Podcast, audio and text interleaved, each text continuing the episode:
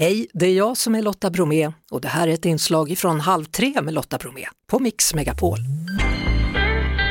Idag är en stor dag för mänskligheten. Om de nu får iväg den här raketen. De håller på som bäst nu, NASA. Raketen skulle ha lyfts för ungefär två minuter sedan men det har blivit fördröjt, det är någonting som läcker. Eh, vi skulle egentligen haft med Maria Sundin då, live, men eftersom det här händer Ja.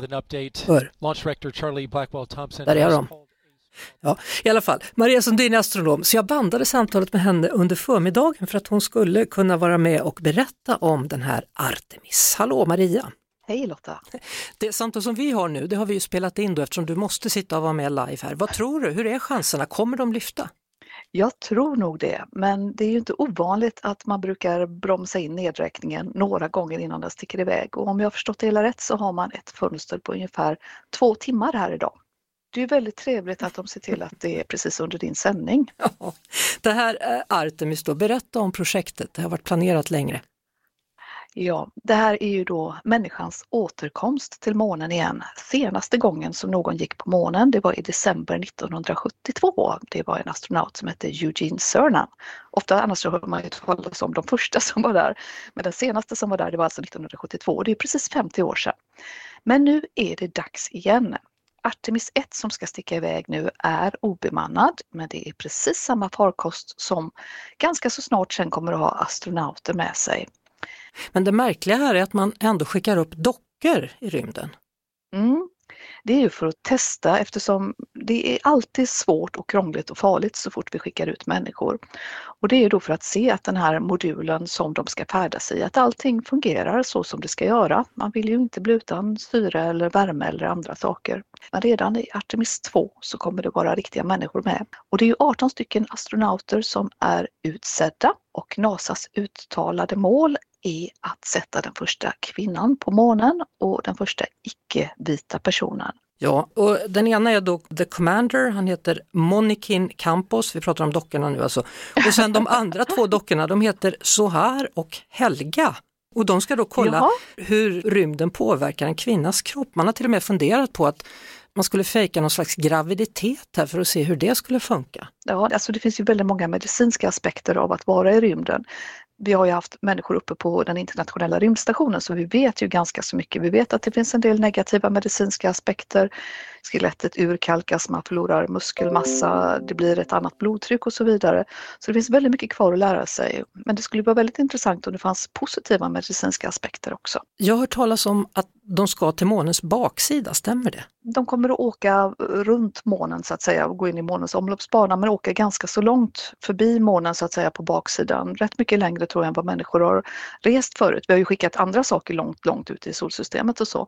Men eh, det stämmer och det är ju som så att eh, månen den snurrar ju precis ett varv på samma tid som det tar för den att gå ett varv runt jorden, runt sin egen axel och det innebär ju att vi ser ju alltid bara den ena sidan av månen härifrån jorden.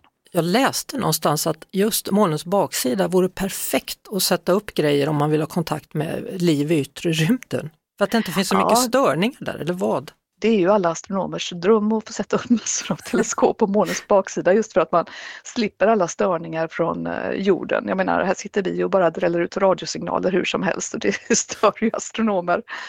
Ett av delarna här i Artemis-projektet annars, det är ju att man faktiskt ska anlägga en månbas nere vid månens sydpol. För det är ett av de få ställena på månen där vi kan hitta lite vatten då i form av is. Det är som så att det är alltid 14 dagar ljus på månen då det faktiskt är ganska varmt och sen är det 14 dagar mörker. Och det finns ingen luft så det finns liksom inget flytande vatten på månen och det blir så pass varmt så att finns det is så smälter den och tinar bort.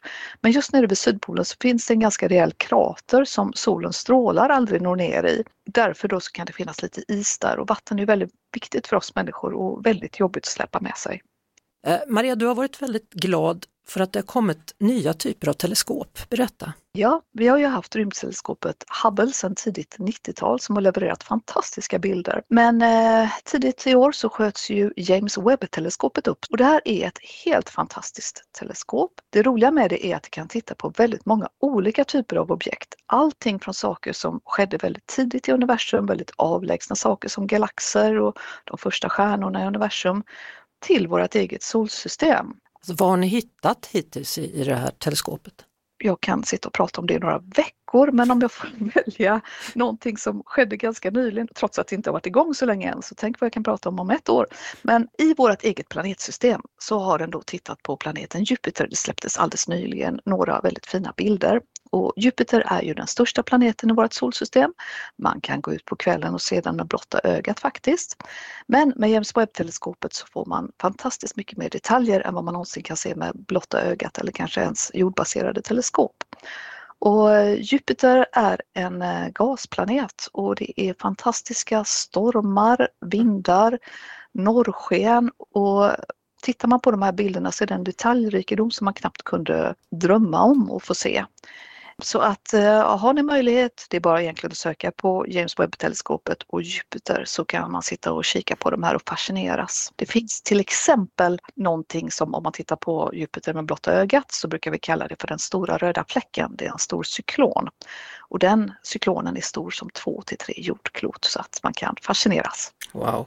Förra veckan så kunde man skänka Pluto en liten tanke för Pluto fick ju inte vara planet resten av livet. Nej, och vi är ju väldigt många som har vuxit upp med att solsystemet har nio planeter och den yttersta heter Pluto. Och alla har ju alltid älskat Pluto.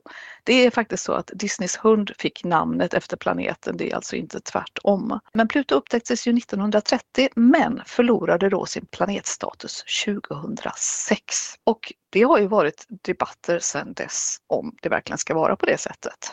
Vad tycker du? Jag tycker nog att man av historiska skäl skulle återinföra Pluto. Anledningen till att den föll ifrån det är ju att vi började hitta ganska många objekt där ute i solsystemets ytterkanter. Det finns sådana som både är större än Pluto och de är längre bort än Pluto. Så att det blev ett problem där alldeles i början på 2000-talet. Vad ska vi kalla de här objekten som vi upptäcker för? Men de som bestämde detta, det är den så kallade Internationella Astronomiska Unionen som jag själv tillhör. Vi är runt 10 000 stycken och det som många kanske inte kände till det var att det var faktiskt bara 424 personer närvarande när man röstade om Pluto skulle förlora sin planetstatus. Ja. Och av de 424 så var det 237 som röstade för. Så att det har varit mycket diskussioner sedan dess om man ska riva upp beslutet. Jag förstår det. Var du där och röstade? Eller? Nej, det var jag faktiskt inte. Ångrar du dig?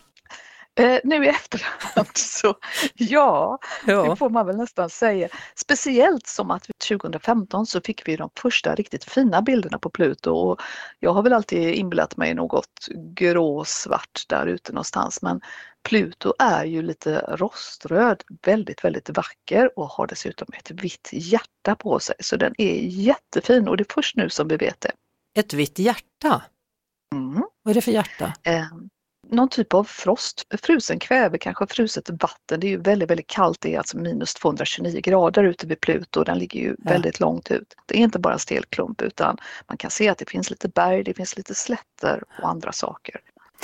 Artemis då, vi får se om den lyfter idag och gör ja. den det så får vi se om den är hel när den kommer tillbaka. Då åker den på sin mm. andra resa och sen så småningom då med den tredje resan. När tror man att det ska ske i så fall? Runt 2025 hoppas vi på Artemis 3 och det är då som sagt var som vi först får se människor på månen igen.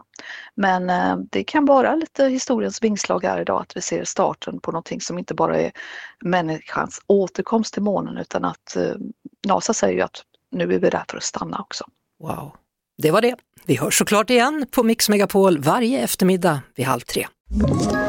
Ett poddtips från Podplay. I fallen jag aldrig glömmer djupdyker Hasse Aro i arbetet bakom några av Sveriges mest uppseendeväckande brottsutredningar. Går vi in med hemlig telefonavlyssning och, och då upplever vi att vi får en total förändring av hans beteende. Vad är det som händer nu? Vem är det som läcker? Och så säger han att jag är kriminell, jag har varit kriminell i hela mitt liv men att mörda ett barn, där går min gräns. Nya säsongen av Fallen jag aldrig glömmer på Podplay.